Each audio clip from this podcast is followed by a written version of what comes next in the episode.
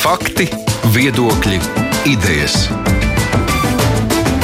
Raidījums Kruspunktā ar izpratni par būtisko. Stāvs studijā. Runa jau nav par politiķiem, runa ir par kakla kungiem, kas iedzīvojas uz mūsu rēķina. Apmēram tā teica viena kundze brīvajā mikrofonā, runājot par sestdien notikušo protestu akciju. Krasnodarbā sestdien tiešām skanēja daudz politisku apgalvojumu un saukļu, un arī pēc mītīņas sociālajos tīklos varēja lasīt visdažādākos iebildumus gan no protestētāju, gan arī no mītīņu pretinieku puses, kāpēc viņi prāt valdība ar saviem pienākumiem netiek galā. Kā vērtēt to, ko dara politiķi kā to ietekmē procesi, kas vērojami pašās partijās. Ja laiks ļaus, grib palūkoties arī uz opozīcijas rīcību šīs pandēmijas laikā par to, kas notiek politikā. Mēs šodien runāsim ar politisko procesu teiksim, analītiķiem, politologiem, vērotājiem. Savu datoru raidījumam pieslēgsies ir Providas direktora un vadošā pētniecība Iveta Kažoka. Sveiki, Iveta! Sveiki!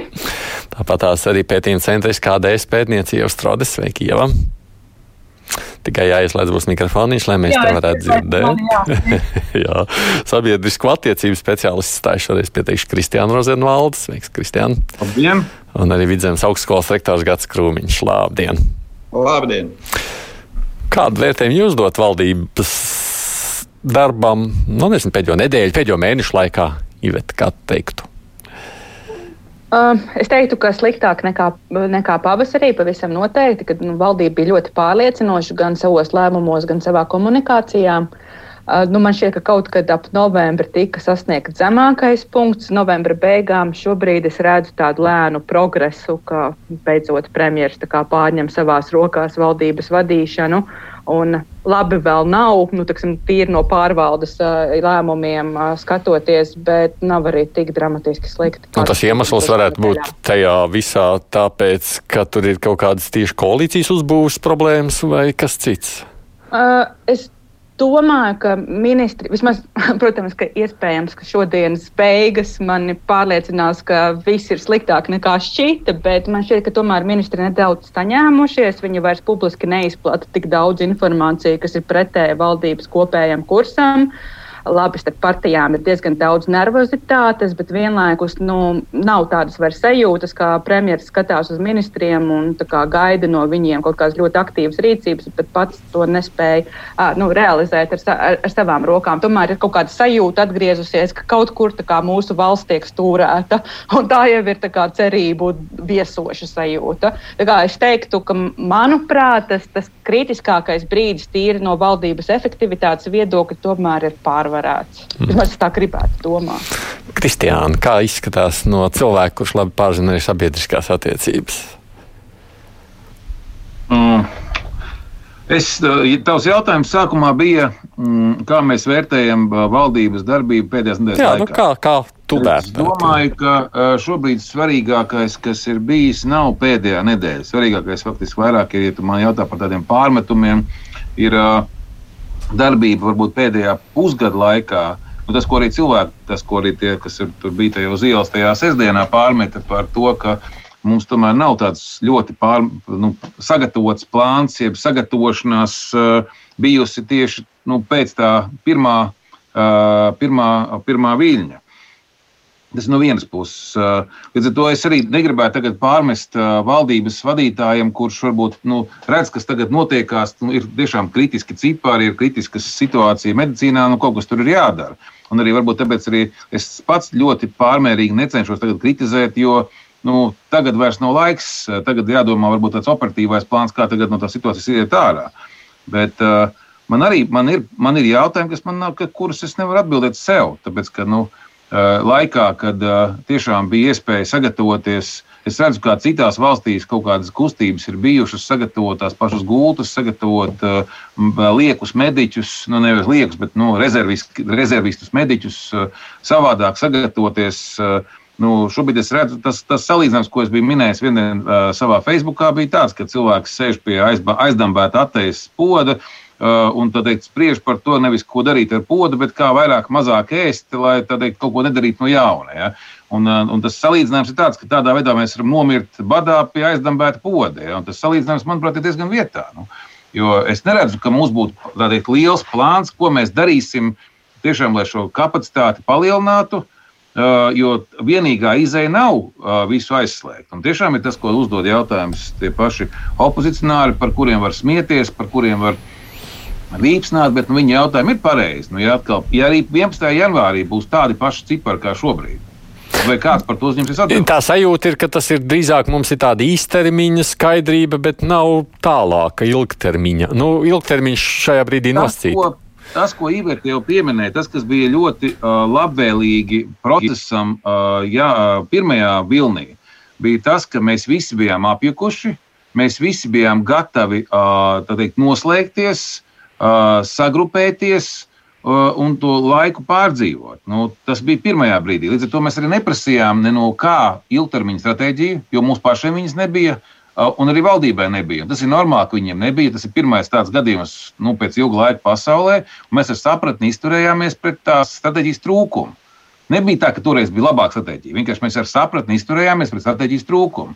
Šobrīd, kad ir pagājis tik daudz laika, cilvēkiem loģiski radās jautājums, ka viņi gribētu kaut kā nu, redzēt uh, to savādāk. Un tas, ko es sajūtu valdības komunikācijā, iekšā pašas valdības, ir tas, ka uh, uh, Arī tas pats par to pašu pirmo posmu. Pirmajā posmā visi bija vienoti, sav, vienoti savā bažās un savā vēlmē nu, kaut kā to sastruktūrēt to procesu. Šobrīd es redzu, ka uh, ir dažādas pieejas.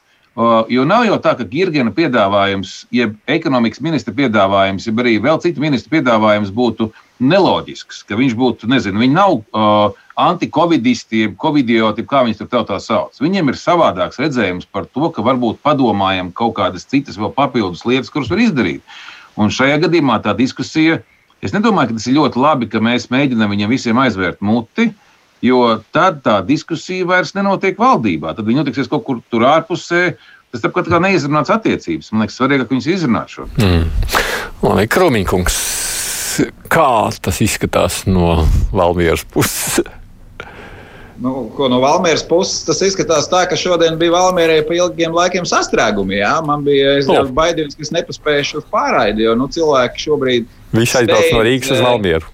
Paspēt, paspēt to, ja, kas, eh, ko, ko viņi baidās, ka viņi nepaspēs dēļ kaut kādiem lēmumiem. Un es laikam iesāku ar šo, kur, manuprāt, ir lielākā problēma. Tas, ka šobrīd sabiedrībā tomēr ir zudusi šī uzticība un paļāvību. Un es teiktu, ka tā ir tāda fundamentāla problēma, jo sabiedrību vēlreiz mobilizēt kaut kam būs daudz sarežģītāk. Un es arī varētu šeit vilkt tās paralēlas ar to pirmo vilni, kas mums bija, kur tiešām arī sabiedrība ļoti pozitīvi vērtēja to, ko valdība darījusi. Nu, es esmu tajā valsts pētījuma programmā Covid, un mēs nu, pēdējās dienas ārkārtīgi intensīvi, ne tikai dienas, bet mēnešus strādājam ar to programmu. Ja?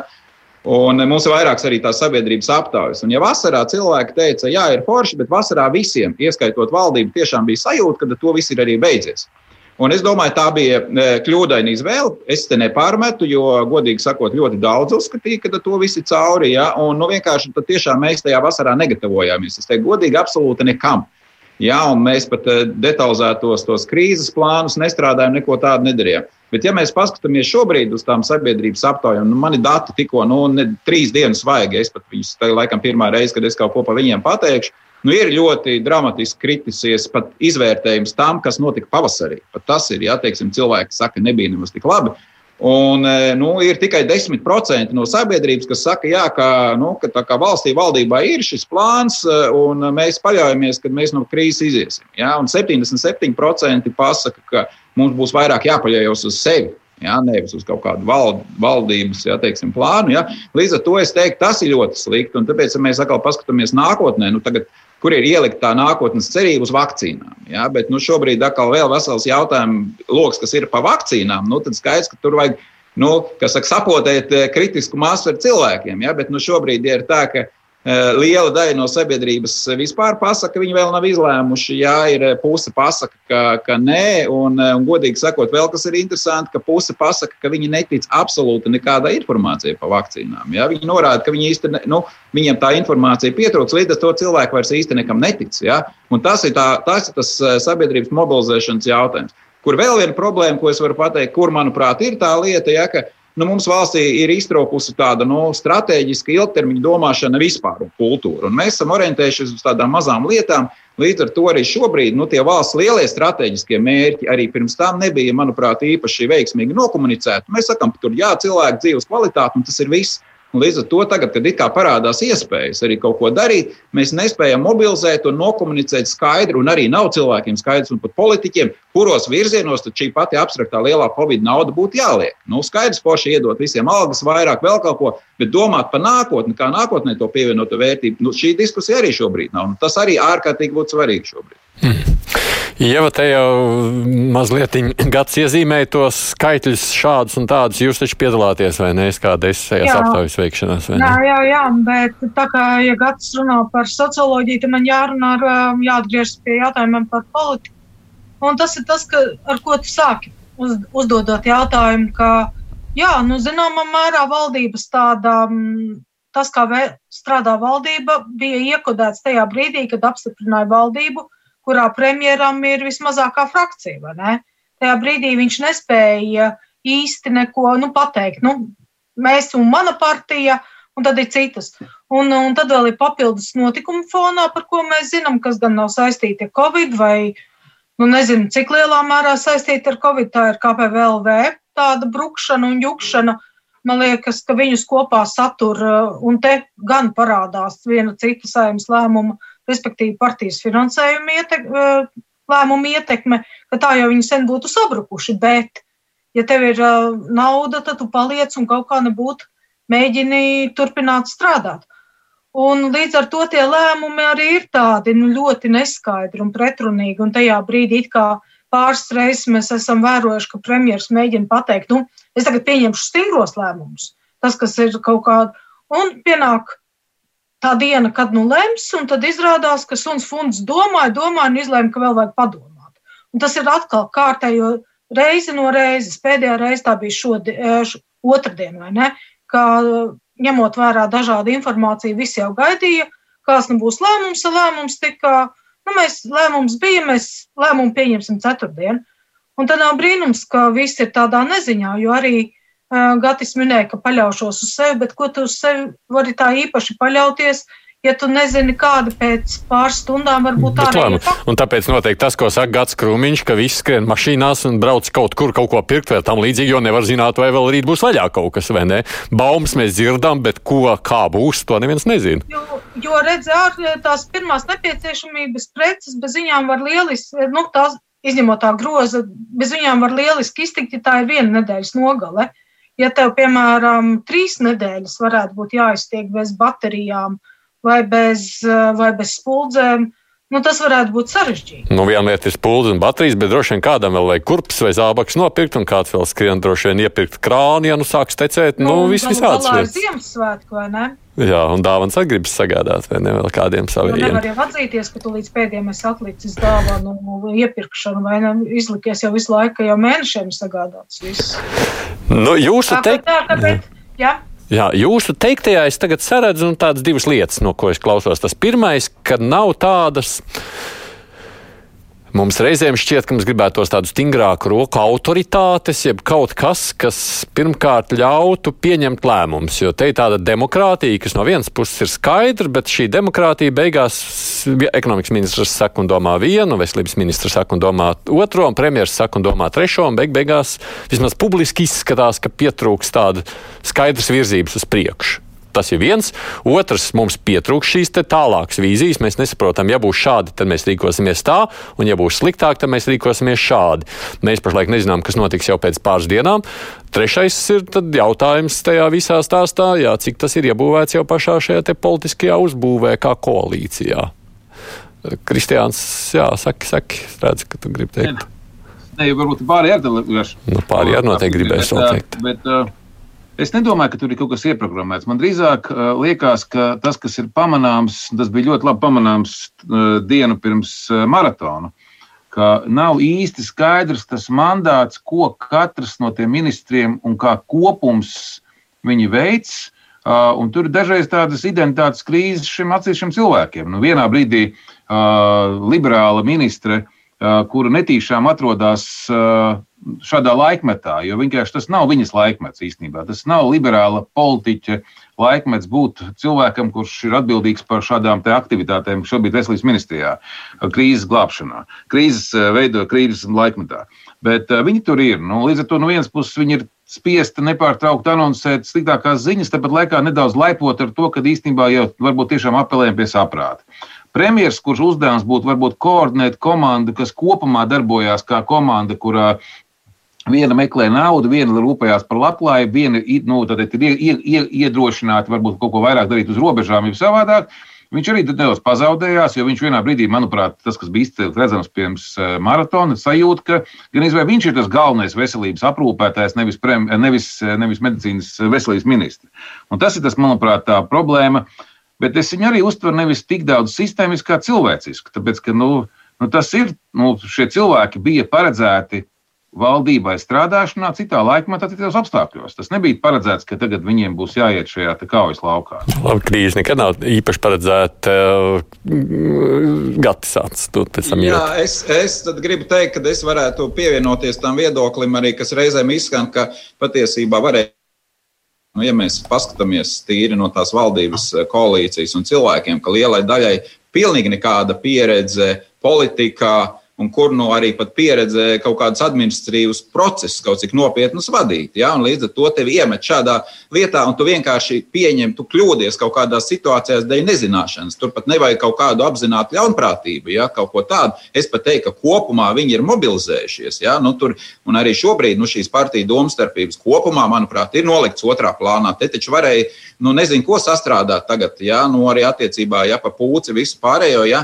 Bet, bet viena lieta, ko, nu, kas, eh, kas pilnīgi noteikti ir, mēs, ko es gribētu teikt, ka šeit ir varbūt jāsadala divas lietas, kas ir tā pirmā, ka ir pieņemts tas lēmums, un es arī Kristiānam piekrītu, ka tas nav slikti, ka pēc tam ministri nozares pārstāvji komunicē un skaidro, ka jā, Tas bija kompromiss, lai arī no mūsu nozares perspektīvas varbūt tas eh, būtu bijis labāk cits, bet kopējā labuma vārdā mēs to izdarījām šādi. Līdz ar to salikt šīs divas lietas, šo lielo lēmumu, ja skaidrot, kāpēc viņš bija. Un pēc tam pateikt, jā, nu skaidrs, mums tas ir nērtāk, bet nu, tas bija vajadzīgs, tāpēc, ka lielais lēmums ir šāds. Ja? Bet tu nedrīkst izlikties un mēģināt nozarē vai kam pierādīt, ja, ka tiešām, nu, es atvainojos tā kā padomju savienībā, ja mēs esam kaut kur izlēvuši aiz slēgtām durvīm, un tagad visi mēģinam iestāstīt, tad tu vispār zaudē arī ar nozari sasaisti, jo viņi domā, domā, nu, tad to ministru nu, viņu, es atvainojos, pa, idiotu sāks uztvert, ja viņš mēģinās pierādīt to, kas patiesībā nav. Ja? Nu, mums ir jāmācās teiksim, pateikt, kur tad ir šīs lielās lietas, kas tad ir netik lielas. Nu, teiksim, arī šobrīd, kas tad ir šī Covid problēma joprojām. Ja? Šeit, būtībā šeit ir divi tādi sadursmes. Viens, ka tā ir medicīniska, tā ir infekcija, jā, kur epidemiologi iesaka, protams, savu lielu, pietiekoši striktu līniju. Patiesībā visu cienu viņiem, bet viņi arī pirms desmit gadiem pateica, ka gripas dēļ būtu vislabākais, ka kādus mēnešus mēs neejam ārā. Ja? Nu, tur ir diezgan radikāli tās, un tas skaidrs samērot to visu kopā ar kopējām eh, sabiedrības vajadzībām. Un skaidrs, ka jau kopš pirmās eh, Covid viļņa arī visā pasaulē runā un ekonomisti vispār, ka šādu balīti kas šobrīd ir labi nostrādājis. Sagrūst šausmīgi daudz naudas iekšā, ekonomikā, daudzās lietās cilvēks noturēt pie kaut kāda miera un kārtības, nu, nosacīti. Ja? Bet tomēr tas ir ļoti labi, bet cik ilgi tā? Ja? Un es domāju, ka tas ir tas jautājums, kā ar vienu mēģina kaut kādā veidā pataustīt, varbūt mēs varam to izdarīt. Nu, visa pasaule eksperimentē. Tā, jau, tā ir vēl viena lieta, ka tā nav Latvijas problēma tikai. Nu, paskatāmies, ja? jā, jā. visā pasaulē, visās attīstītajās kultūrās, ar demokrātijas tradīcijām, visu ir problēmas. Ir tā vai tā ir Parīze vai Londona vai Amerika. Nu,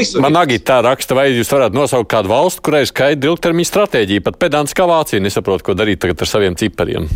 Nu, tā. nu, nu, nu, tieši tā, nu, tas ir tas, ja, ka, ka, piemēram, Vācijai tā bija totāla izgāšanās. Viņi apsolīja, ka mums būs Ziemassvētku un karstvīns un Ziemassvētku tirdziņa, ja mēs pirms tam būsim savākti. Nu, it kā bija savā, nu, mēs redzam, ka šobrīd nu, visi taustās vairāk vai mazāk. Nu, diemžēl, ja, un, un tā ir vēl viena lieta, kas ir nu, arī sabiedrībai jāpieņem, ja, nu, un kaut kā, un arī šiem politiķiem, ja, nu, tas ir ārkārtīgi sarežģīts process. Ja. Nu, pats galvenais nesāk kaut kā radikāli raustīties no viena grāvi otrā, ja, neuz, ne, nepieņemt emocionālus lēmumus. Nu, piemēram, manuprāt, kur ir viena no problēmām, ka valdības lēmumi par ierobežojumiem ir no šīs konkrētās dienas kaut kāda statistikas rādītāja, cik šobrīd cilvēki ir inficējušies. Un, godīgi sakot, man ir sajūta, ka šodienas lēmums būs saistīts, cik tā būs. Vai tā kā vakar pāri pa tūkstošu, vai tā kā aizvakar ap 600 vai 500. Ja? Nu, līdz ar to tas ir ārkārtīgi slikti. Ja, ja mēs emocionāli pieņemam, ka šodien ir slikti, tad mēs kaut ko iegriežam. Nu, ir jāskatās nu, maksimāli tomēr kaut kāda ekspertīze, nu, salikt tās lietas kopā, nu, skatīties kaut kā jaunu, arī citu valstu piemērus. Ja, protams, jā, nu, ir jāskatās. Nu. Nē, es došu īvetai, Kristiāna, tev būs jāpagaida vienīgais. Te tāda mana piebilda atceroties savukārt ārlietu ministra studijā šeit, tad, kad bija rudens. Un viņš teica, visas valsts ir ļoti pārliecināts, tāda lockdowna, kā bija pavasarī, mēs vairs nepieļausim, tāds nebūs. To viņš teica atgriežoties no Briseles. Tur bija tāda pārliecība. Tā nebija tikai Latvijas pārliecība, tā patiešām bija Eiropas pārliecība. Iveta. Mm tā nebija tikai Latvijas pārliecība, un, protams, ka dažādas valstis šobrīd mēģina manevrēt, un vienām tas sanāk labāk, vieniem sliktāk. Ja man jāmin kaut kādi veiksmīgi piemēri, tad droši vien viena ir Somija, nu, kas nav tālu no mums, un kurai droši vien ir Eiropā viena no labākajiem rādītājiem. Valdība komunicē konsekventi, es nezinu, par cik lielu periodu uz priekšu iedzīvotāji klausa, kā, nu, un joprojām uzticās valdībai. Otrs piemērs ir Jaunzēlanda, kurai bija ļoti skaidra stratēģija stratēģija. Viņi grib nu, pilnībā iznī, iznīdēt Covid pie sevis, kas viņiem, protams, ir vieglāk, jo viņi atrodas uz salas. Latvijai tādas priekšrocības tā nav. Uh, arī mūsu konstitūcija un arī mūsu demokrātiskā iekārta principā uh, labi nefunkcionē pie divām galējībām. Galējība numur viens, ja mēs pilnīgi visu uzticam premjeram, premjeras stingrā roka, kas tā kā diriģē partijas, tas nav pie tā kā koalīcijas variantiem tā līdz garam iespējams, izņemot, ja kādai partijai ir visas balsis. Tas nefunkcionē, bet nefunkcionē arī tā otrā galējība, kad katrs ministrs ir sava karaļa valsts un uz, uzdrīkstās pat pēc tam, kad valdība ir pieņēmusi kādu lēmumu, iet un publiski pateikt, ka tas lēmums īstenībā nekam neder. es biju pret, es, es darītu kaut ko citu. Ja vairāk nekā viens ministrs kaut ko tādu sāk darīt, un, protams, ka partijām ir milzīgs kārdinājums, ko tādu darīt, jo viņas jau sacenšas par vēlētāju balsi, valdība nespēja funkcionēt. Un bija tāds viens mirklis rudenī, kad es domāju, ka nu, šī valdība ļoti viegli var, var, var izirt. Bet pie tās sistēmas, kas mums ir, kur tomēr premjeram un ministriem ir kaut kā sav, savstarpēji jāpiekārtojas un jābalansē, tomēr ir svarīgi izdalīt divus dažādus periodus. Viens ir miera periods, kad varbūt ka tas nav tik kritiski, kāda ir premjera loma un tās problēmas, ko tu pieminēji ar lēmumu koordināciju, strateģisko vīziju Latvijas valdībām, viņas ir mūžīgas, bet tādos miera periodos nu, tas tā nav redzams. Bet viņas kļūst acīm redzams tajā brīdī, kad ir liela turbulence. Un tieši tāpēc šādos turbulences apstākļos premjeram būtu stipri vairāk jāņem kā, lietu risināšana uz sevi. Un šeit es teiktu, ka tas, ka vienotībai ir mazs balsu skaits valdībai, nav kritiski svarīgi. Ja es domāju par iepriekšējiem Latvijas premjeriem, tad arī tie, kuriem bija diezgan liels balsu skaits valdībā, diez vai būtu šo situāciju novaldījuši labāk kā Kariņš. Kamēr nu, varētu būt arī bijuši citi premjeri, kas jau sākotnēji būtu paņēmuši vairāk uz sevi. Tā kā šeit arī tas personības moments tā skaitā, vai premjers nu, turpina to miera laika loģiku, kur nu, var cerēt, ka arī bez vīzijas un bez tādas īpašas koordinācijas gan jau tā kā ministrs savu darbu izdarīs, bet tomēr viņš paņem sev aktīvāku lomu. Un man šobrīd ir iespējas, ka Kariņš šo aktīvāko lomu beidzot ir paņēmis, bet varēja to darīt ātrāk. Mm. Ieva grib teikt vēl. Jā, tas gan nav tikai Latvijas fenomens, bet ir nu, daudzās valstīs ir eh, tas, ka principā cilvēki atbalsta stingrākus ierobežojumus, bet tikai tad, ja tie neskar mani. Ja, ja tie skar citus, tad vajag stingrus un vēl stingrākus, bet mani lūdzu, manas intereses neaizskariet. Un otrs ir no tā netieši tas nāk gan no aptaujām, jo mēs uzdevām jautājumus, vai šie ierobežojumi ir pārāk stikri, stik, eh, strikti, adekvāti vai pārāk vāji. Un tad viens cilvēks papolējās, atrakstīja vēstuli, saka, kāpēc jūs neko nejautājat par kontroli? Ja, ka tie lēmumi varētu, viņi nav jāpadara stingrāki, bet ir jākontrolē jau līdzinējo ievērošana. Jo tas arī, ko cilvēki pamana, nu, cilvēki pārkāpj tos ierobežojumus, nosacītos likumus, un nevienam nekas nav. Viss turpinās, viss notiek kārtīgi. Un, un tad ir tu tādā uh, um, dzīvo tādā frustrācijā, bet ko man tagad darīt? Skaidrs, ka tie ierobežojumi pret manām interesēm, bet ja visi viņus neievēro, nu, tad es varu rīkoties līdzīgi, taisīt manikīru kādā dzīvoklī vai ne, vai, vai mēģināt apiet kaut kādus pulcēšanos ierobežojumus, tik līdz ir iespēja apmeklēt veikals tajā vai citā laikā. Tā ka tas, man liekas, ir uh, arī par tiem jaunajiem, stingrākajiem, ka tā problēma ir, ka Kurš to visu no, nokontrolē? Nu, vienīgais šajā sadaļā tie cilvēki, kas ir. Um, es nezinu, vai drīkstētu vārdu lietot domājošāk, bet nu, varbūt tā. Tie tomēr arī domā, bet vēl jau jautājums ir par manu un tuvinieku veselību. Es jau varbūt gribētu tāpat kā tie pārējie, bet tomēr jau jādomā par citiem arī gati vispirms, un tad Kristiāns. Jā, es par tiem aptaujas rezultātiem. Nu, mēs pavaicājām, mēs tagad arī pavaicājām, ko cilvēki domā par ierobežojumiem. Skaidrs, ka viena pietiekoši liela daļa saka, ka vajag kontrolēt ļoti, jā, un vajag sodīt un visu to darīt, jā, bet ir vēl viena lieta, un tas nav tikai Latvijas, bet tas kopumā, nu, tāds varētu teikt, rietumu sabiedrības fenomens, ka lielākā daļa norāda, ka, ja visi būtu bijuši tik savākti, mobilizēti kā es, tad, mēs, tad mums nebūtu gandrīz nekādas problēmas. Jā. Nu, līdz ar to cilvēki šīs problēmas un apdraudējumu redz kaut kur ārpusē, bet, piemēram, tas, ko daru es, tas ir pareizi. Jā, jā es eju pie kāda ciemos, tad es zinu, ka viss ir pareizi, bet, ja tas kaimiņš kaut ko dara, nu, tas ir īpaši kaut kāds nepazīstamais. Jā, jo, piemēram, trešā daļa ir mieru, ka Latvijā vispār nevajag ielaist cilvēks, kas nav potēti pret covid. Jā, vai, teiksim. piemēram, vēl trešā daļa no cilvēkiem saka, ka uz sabiedriskiem pasākumiem varētu iet tikai tie, kuriem ir kaut kādas covid pasas. Jā, nu, tie, kas atbalsta vakcināciju, tie arī saka, bet arī tie, kas nav vakcinēti, tad tos mēs mēs faktiski nu, diskriminējam. Ja? Nu, vai kaut kādā varam teikt, tie neko netiek, tie neko nedara. Un, teiksim, lielākā daļa arī saka, ka obligāti vajag vakcinēt gan skolotājus, gan, gan, gan, gan mediķus. Obligātā veidā nu, faktiski piespiedu kārtā. Tad pašā laikā to cilvēku skaits, kas to saka, diezgan liela daļa paši nevakcinēsies. Viņi saka, nē, es ne, man nevajag. Ja? Nu, tas ir skaidrs, un mums ir jāsaprot arī, un es domāju, tas ir valdības uzdevums. Ja, teiksim, strādāt, te daudz saka, komunikācija šobrīd daudz piemet, nu, nebija nokomunicēts, nebija tas, ir jādara ārkārtīgi gudri. Ja? Un vēl viena lieta, ka no komunikācijas jāsaprot, ka īstermiņā šobrīd neko tiešām daudz nevar izdarīt. Ja kāds iedomājas, ka tagad nedēļas laikā noblēzīs kaut kādu kampaņu par vakcīnām, un tad viss skries vakcinēties, nu, nenotiks tā. Ja? Nu, ir jābūt arī šai komunikācijai, strateģiskai komunikācijai, ārkārtīgi pārdomātai, saliekot, sarāmējot kopā, piesaistot šos ekspertus, visu laiku mērot, tiešām, ko sabiedrība par to reaģē un domā.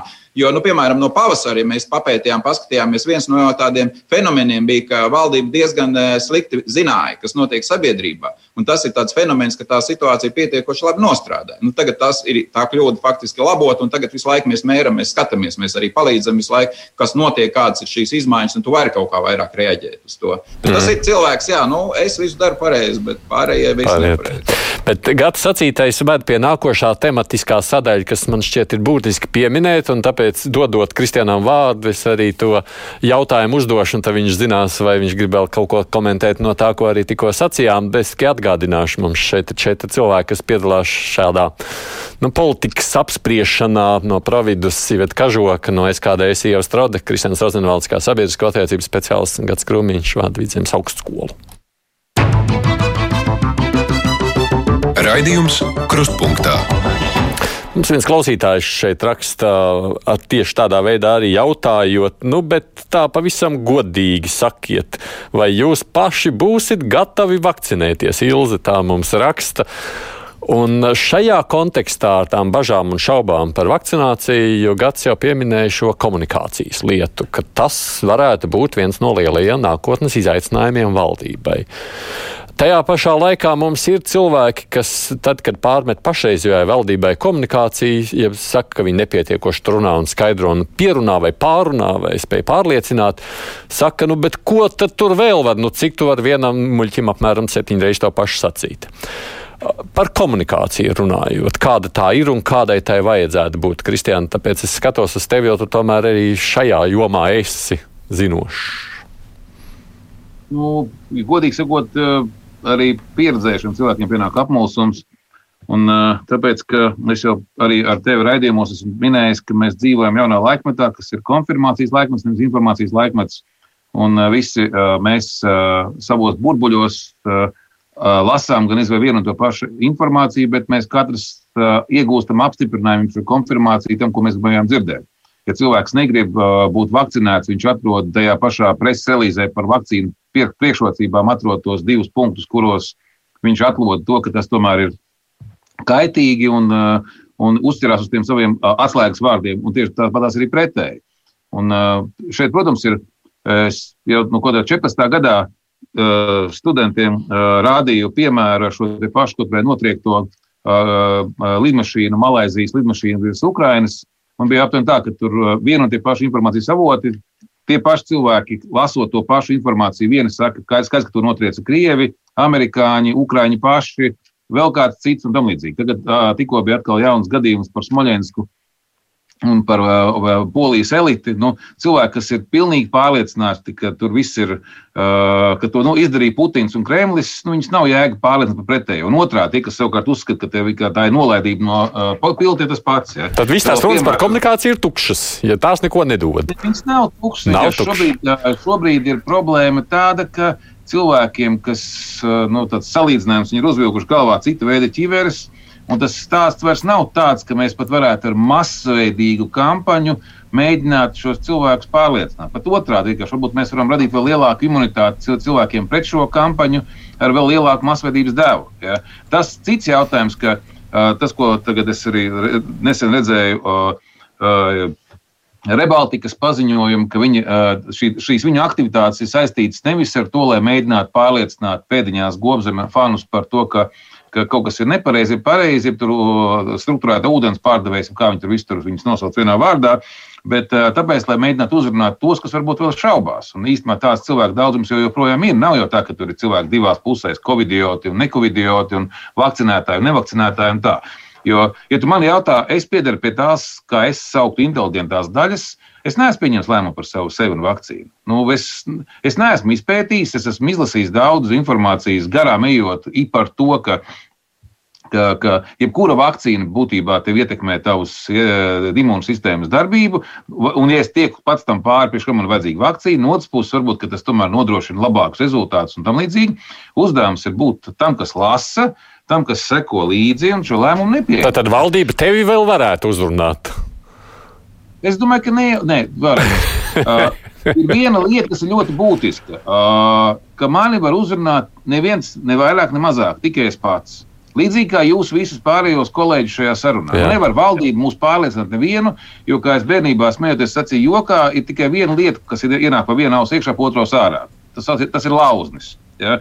Tu nevari ietekmēt uh, nekādīgi. Tu vari iedot man pietiekami daudz informācijas daudzumu, lai es pieņemtu pareizo lēmumu nu, pareizo, nepareizo, bet pieņemt lēmumu. Ja? Un šajā gadījumā informācijas daudzumam ir jābūt. Nu. Cits jautājums, kas man uztrauc, vēl izmantošu ātri mazu, mazu repliku.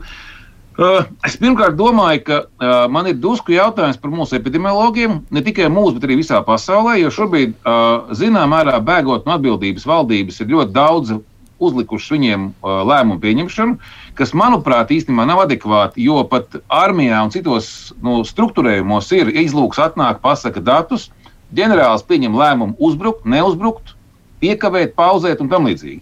Šeit ir tāda akla paļaušanās, bet akla paļaušanās uz cilvēkiem, kuru kompetenci es tagad negribu apšaubīt. Es negribu teikt, ka Duga Dumpis, ja Perevošķikovs kaut kādā veidā nebūtu talantīgi zinoši. Bet tāpat laikā arī šobrīdējos apstākļos, manuprāt, viņa resursi ir ierobežots. Un redzot to, cik daudz resursu vispār pasaulē tiek tērēti, lai domātu jaunas stratēģijas, kas notiksies tālāk, ja? es nejūtu to, ka tie cilvēki būtu lielākie guru pasaulē. Ka mums nav īstenībā tāda izvērtēšana ir pārvērtēšana. Bet, un, uh, tas, ko viņas bija tagad, viņas bija redzēja, bija uh, tās pašas Eiropas komisijas prezidents paziņojums G20 samitā, ka mums jābūt gataviem jaunām pandēmijām. Pat ne vairs Covid, bet jaunām pandēmijām. Iespējams, šī pandēmija vispār ir kā mūsu sagatavošanās kaut kam daudz briesmīgākam, tā skaitā.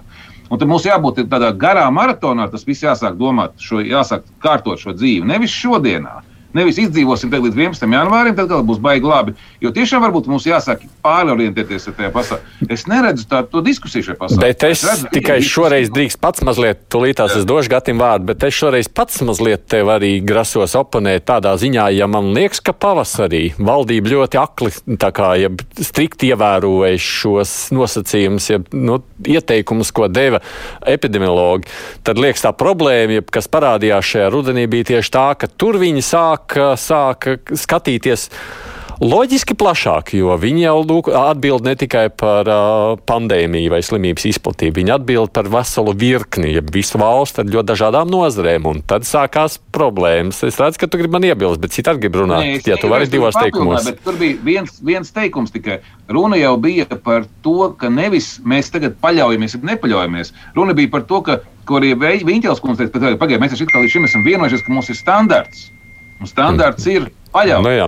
bet, ko tagad ņemt pašu atbildību uz sevi? Tas ir īstenībā būtisks cits jautājums. Bet es ļāvos tavai provokācijai aizvest prom no jautājuma, bet atgriežoties pie tās pirmās sadaļas, Gati, lūdzu. Jā, par uh, komunikāciju man ir divas lietas, ko es noteikti gribu pateikt. Tā pirmā lieta, ko arī nu, mēs valsts pētījuma programmā esam secinājuši, kur ir Latvijas problēma un kas ir jāmaina, ka komunikatoriem ir jābūt daudz ātrāk pie lēmumu pieņemšanas. Faktiski viņiem ir jābūt iesaistītiem lēmumu pieņemšanā jau, jo kas mums šobrīd ir komunikators, ir tāds ziņas nesējs. Un, ja ir pieņemts neapdomīgs un, ne, un faktiski grūti nokomunicējams, es teiktu, nekvalitatīvs lēmums, tad viņu nokomunicēt ir faktiski neiespējami. Un tas pats attiecās arī uz valsts stratēģiju. Tā ir valsts, piemēram, Nacionālais attīstības plāns, par ko es pirms gada šausmīgi cīnījos. Tur uzreiz jāiet kopā ar strateģisko komunikāciju, valsts strateģiskiem narratīviem, lai tu spētu to komunicēt, mobilizēt sabiedrību, likt kaut kādas lietas iekšā iedarbināt. Un tāpēc sanāk tāds, ja drīkst tikai replika, tāpēc Jā. sanāk tādas situācijas, kā te bija valdība pieņem lēmumu, komunikācijā, ja tas uh, departaments izplata kaut kādu citu, un tad nākamā dienā valdība saka, nē, nē, nē, mēs nemaz tā nenolēmām. Nu, tieši tā, jo viņiem ir jābūt iekšā klāt un viņiem ir jādod tiesības arī faktiski pie lēmumu pieņemšanas iebilst. Ja kaut kas jau, ja mēs paskatāmies arī krīzes vadības centra, būtu tikai normāli, ka blakus visam pārējiem ir arī strateģiskā komunikācija, komunikācija, kas to nodarbojas. Otra lieta, kas ir piemēram par vakcīnām, citām lietām, kas no komunikācijas ir kritiski svarīga, ka tiem vārdiem ir jāsako arī darbiem. Es tagad varu iemest iekšā nelielu tādu provokāciju. Ja, piemēram, valsts prezidents Levits rādīja, kā viņš lejuplādē to lietot mobilo izsako Covid. Ja viņš tagad būs tas, kas aicinās, ejiet visi vakcinēties, viņam ir jābūt pirmajam. Un es atvainojos viņam un Kariņam, ja mēs esam izvēlējušies vakcīnu, publiski tiešraidē jānofilmē, kā viņus pret to vakcinē. Lai nav tā kā Krievijā, ja ka cilvēks vakcinē, bet Putins āja kaut kāpēc nevar. Ja? Līdz ar to tev ir jābūt, ja tu esi līderis, un šajā gadījumā tā ir milzīga atšķirība. Nu, Amerikā to darīs. Amerikā Baltajā namā Pensis laikam piekdienu vakcinēsies. Nu, re, nu, re, nu jā, bet, piemēram, ja es būtu Gatis Krūmiņš premjerministrs un es teiktu, ka vajag vakcinēšos, man tas ir jādara. Ja es esmu Gatis Krūmiņš, kā eh, nu, faktiski fiziska persona šobrīd, ja valsts pilsonis, tad es varu citēt, eh, ko vakar runājām ar Ivaru Kalviņu un, un piekrist viņam, jo kurš man ir kā autoritāte. Jā, Eh, bijušais OSI vadītājs, zinātnes, padom, zinātnes eh, akadēmijas prezidents, viņš teica, jā, es vakcinēšos, kā es būšu drošs un man būs skaidrs, ka tā vakcīna ir droša. Nu, tas arī ir mans viedoklis. Jā, un līdz ar to ir jāsaprot, ka sabiedrība nu, šobrīd varbūt nav līdz galam gatava tam, jā, bet ja tu esi vadītājs, tad tas ir cita situācija. Nu, tad tev ir nu, no, noliec savas vieglās dienas, tad riskē līdz ar tiem mediķiem un visus, kurus tu gribi vakcinēt, un vakcinējies pirmais. Un tāpat kā Napoleons eh, tajā pirmajā uzbrukumā paķēra karogu un skrēja, un pēc tam viņam paveicās visiem, protams, nepaveic. Nu, es teiktu, ka pašreizējā situācijā tomēr tā iespēja vakcinēties pirmajam ir droši vien mazāk drosmes izpausme, vairāk privilēģija, jo tieši šobrīd kā reiz tās vakcīnas, vakcīnas cilvēkiem tuvākajos mēnešos noteikti visiem gribētājiem nepietiks. Runājot par sevi, es pazīstu cilvēkus, kas ļoti viegli pārslimoja Covid. Es pazīstu tādus, kuriem joprojām pēc mēnešiem ir diezgan pamatīgi, pamatīgi veselības sarežģījumi. Es, diemžēl, zinu arī cilvēkus, kas ir miruši no Covid. Līdz ar to priekš manis nav jautājums, ja Eiropas zāļu aģentūra 27 dalību valstis nākamā nedēļa pasaka, ka šī vakcīna ir droša, un pēc tam pēc līdzīgām procedūrām pārbauda citas vakcīnas, man nav šaubu par šo vakcīnu drošību. Tādā gadījumā es uzticos, jo es nevaru, nevaru pati to izvērtēt no savu zināšanu apjomu un eju un vakcinējos tajā brīdī, kad tas ir iespējams, protams, pa priekšu palaižot visas tās grupas, kurām šī vakcīna ir vajadzīga pirmām kārtām. Otrais, otrā lieta, uz ko es vienkārši gribēju reaģēt, uz to, ko uh, Kristiāna teica, bija par epidemiologiem un polit politiķiem. Es domāju, ka mūsu epidemiologi nav ne ar ko mazāk kvalificēti nekā citu valstu epidemiologi. Viņi tā skaitā mācās no tām labākajām zināšanām, kas par šo nu, ļoti jauno slimību parādās vislabākajās, kā, vislabākajos uh, medicīnas žurnālos, un laiku pa laikam, teiksim, Uga Dumpis arī Twitterī padalās ar šiem pētījumiem, arī ar plašāku sabiedrību. Līdz ar to es noteikti uzticos epidemiologiem, bet vienlaikus ir jāsaprot epidemiologu un politiķu savstarpējie limiti. Zviedrija arī uzticējās epidemiologiem, un viņu rādītāji salīdzinājumā ar citām valstīm ir stipri savādāk. Viņiem tā situācija ar Covid ir nu, slikta, tiešām slikta, kas nozīmē, ka tas patiesais risku sabalansētājs tomēr ir politiķis, ka tas ir politiķis, kurš paskatās uz situāciju un pasaka, ar ko tad mēs varam riskēt un ar ko mēs nevaram riskēt. Nu, šobrīd Latvijā mums tas uh, nāves gadījumu skaits ir, man šķiet, ka aptuveni jau 400. Uh, nu, kas ir pēc viena politiķa domām droši vien daudz, un pēc citiem citi uzskata, ka nu, teksim, ekonomiku nevar apstādināt uz šāda skaitļa vien, bet tie ir politiķi, kuriem šāda veida izvērtējumi ir jāpieņem, jāsaprot mūsu kā, valsts limiti veselības aprūpas sistēmā, un pēc tam par šiem lēmumiem jāatbild. Jo visas valstis šobrīd klausās epidemiologos, bet ir jāsaprot, ka lielo bildi redz nevis epidemiologi, lielo bildi redz, vai principā viņa būtu jāredz politiķiem. Jā, bet ja piemin tikai Zviedrija, tad Zviedrijas premjeras ir atzinis, ka nu, situācija slikta un mēs neesam bijuši gatavi. Vainīgi ir tie veselības aprūpas sistēmas atbildīgie. Tā kā tur jau šī atbildības pārlikšana uz pleciem vērojama tieši tādā pašā veidā. Es šodien arī redzu interesants vēstules no klausītājiem ar ļoti dažādiem viedokļiem. Es pat būtu priecīgs viņus lasīt, viss man nav laika, bet Daniels saka šādi par komunikāciju un ticēšanu runājot. Es sev pieskaitu pie gaišajiem spēkiem. Es ierobežojumus ievēroju, ticu, ka vīrus eksistē, bet pats jūtu, cik trausli tā robeža, kad sāku ticēt kaut kam nedaudz alternatīvākam viedoklim. Varbūt tāpēc, ka redzot, cik valdība pati nepārliecināta par savu ieturēto līniju. Nu, cilvēki šādi lūkojās uz šo problēmu. Ieva, domājot par šo komunikāciju, ko tev šķiet, tad vajadzētu, vai mēs no aptaujām vai no tavas pieredzes varam secināt, ko vajadzētu valdībai ņemt vērā tagad, domājot par vakcināciju? Nu, viens tas, ko tiešām var pārmest, un arī nu, šie gaišie spēki, pie kuriem noteikti gan sevi pieskaita lielā vairākums, ir tas, ka šī komunikācija nedrīkst būt pretrunīga. Jo, piemēram, labi, banāls piemērs, bet visiem saprotams, frizierus atļauj, manikīrus aizliedza. Un, tad, un kā lai šis gaišais spēks tagad tiem oponentiem izskaidro, kā tad, kāpēc? Kāpēc viens jā, kāpēc otrs nē? Viņam trūkst argumentu, un valdība viņam nesniedz šos argumentus. Kāpēc viena situācija kritiska, otra nē?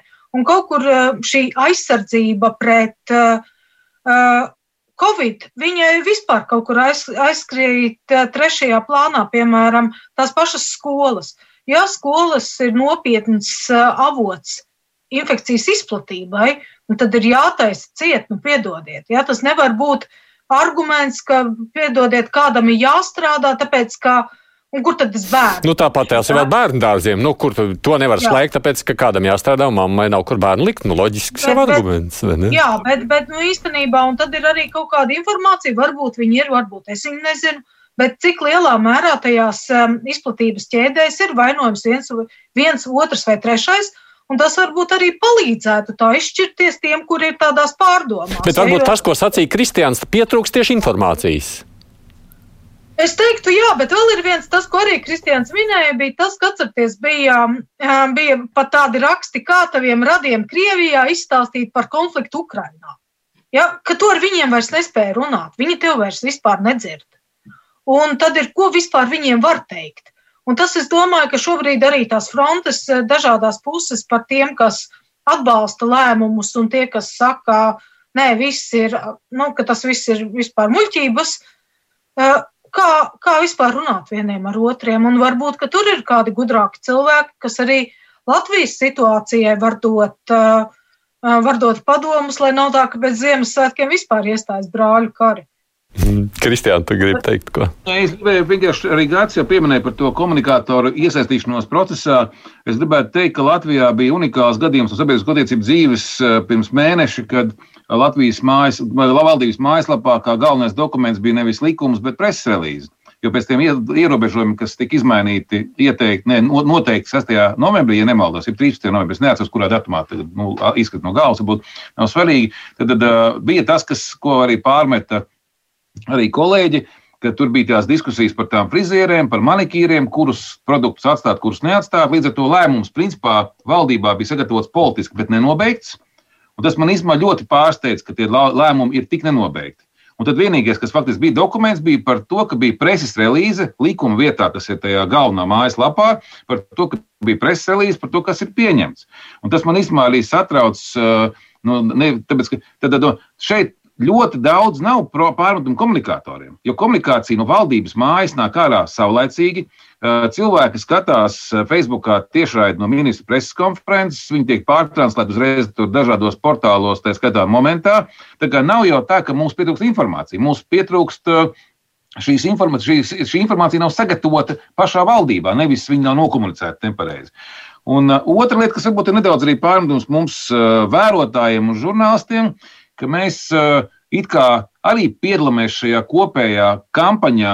Nu, taču ir svarīgi uzvar, uzvarēt to covid, līdz ar to mums jāmetās tālāk, un tur tomēr ir jāsaglabā to mūsu kritiskumu, ka mēs ne jau tā, ka mēs obligāti dodam vārdu opozīcijai vienmēr pēc, pēc, pēc, pēc, pēc, pēc uh, procentiem, bet tomēr to šaubu. Nu, tos šaubas atstāt. Es saku, vēlreiz, dažos gadījumos, kad apstāstos dažus, dažus raidījumus, man liekas, ka tur tāda vienota uh, vienota līnija iet, un tas atkal tas rada, vēl, tas rada to pret, pretreakciju no tiem cilvēkiem. Komunikācija nevar būt tikai tā viena puse, jābūt tā, lai tas, nu, tas, tas lai tā sazobas strādā. Lai gan man šķiet, un man liekas, man žēl, ka man pietrūka ētera laika, lai es varētu pajautāt, bet pat politiskā opozīcija kā tāda ir aizdomīgi nepamanāma visā šajā stāstā brīdī, kad ir tik nu, pateicīga iespēja opozīcijai uzdarboties un parādīt, ja mēs būtu, kā mēs visu darītu labāk. Mēs no opozīcijas kaut kā aizdomīgi par to neko daudz nedzirdam. Man patiešām pietrūks laika, lai es jums varu katram dot pat 20 pusminūtei, uh, īvetē pa priekš pusminūti. Uh. Tas ir tāpēc, ka opozīcija mums šobrīd brūk kopā. ZZS domā par savu nākotni. Saskaņas centrā nesen bija liels kā, skandāls, ka divi ir redzami biedri aizgāja. Viņi ir ļoti slikti nostartēja Rīgas vēlēšanās. Un tas, kas ir kā, frakcijā, neatkarīgie deputāti domā par divu gadu nākotni kontekstā kā kandidēt vēlēšanās. Viņus mēs tā kā vairāk pamanām, bet viņi nav īpaši ietekmīgi uz šī fona. Gati. Jā, nu, man šķiet, ka no opozīcija šobrīd nedaudz taupās, bet opozīcija brūks virsū, tad, kad šis viss būs pierimis. Tad gan norādīs, ka tas bija nepareizi, tas bija nepareizi, lūk, tādas ekonomiskās sekas, vēl kaut kas. Tā kā valdībai to ir jābūt gatavai. Es domāju, ka vienkārši šobrīd ir tā kā bombardēšana, kara situācija, un nevienam neliekas ētiski tagad tos, kas ir pirmajās līnijās. Ja? Nu, neviens jau īsti kariņu viņķās vietā negrib būt. Es domāju, ja? nu, tas, ir, tas ir smagi, ja? un to jau jebkurš saprot. Ja? Šobrīd, lai arī kā, ja? nu, viņi jau Ne jau viņi tagad kaut ko grib izdarīt speciāli nepareizi, vai arī sodīt sabiedrību, jā, un teikt, ka tagad jūs netiksiet uz veikalu, viņi ir kā labāk. Bet, nu, sanāk, nu, kā, kā, kā kur reizi. Jā. Jā, mums jau jāsaka, klausītāji, arī kādi jau šeit saka, nu, nav, nav, nu, mazliet jau jāizstāv valdība. Es redzu, un tad ir kādi argumenti, kurus es vairs nepaspēju nolasīt, bet jums saku paldies par iesaistīšanos. Gads Krūmiņš, Vidzemes augstskolas rektors, Kristians Rozenvalsts, sabiedrisko attiecību speciālists, Ievs Troda no pētījuma centra, kādreiz pētniece, un Ivet Kažoka ir providas direktora vadošā pētniece. Paldies mums par iesaistīšanos iesaistīšanos šajā sarunā. Kruspunktā šodien izskan. Producents mums ir Evi Junām, un studijā redzījuma vadījies Aidis Tomsons.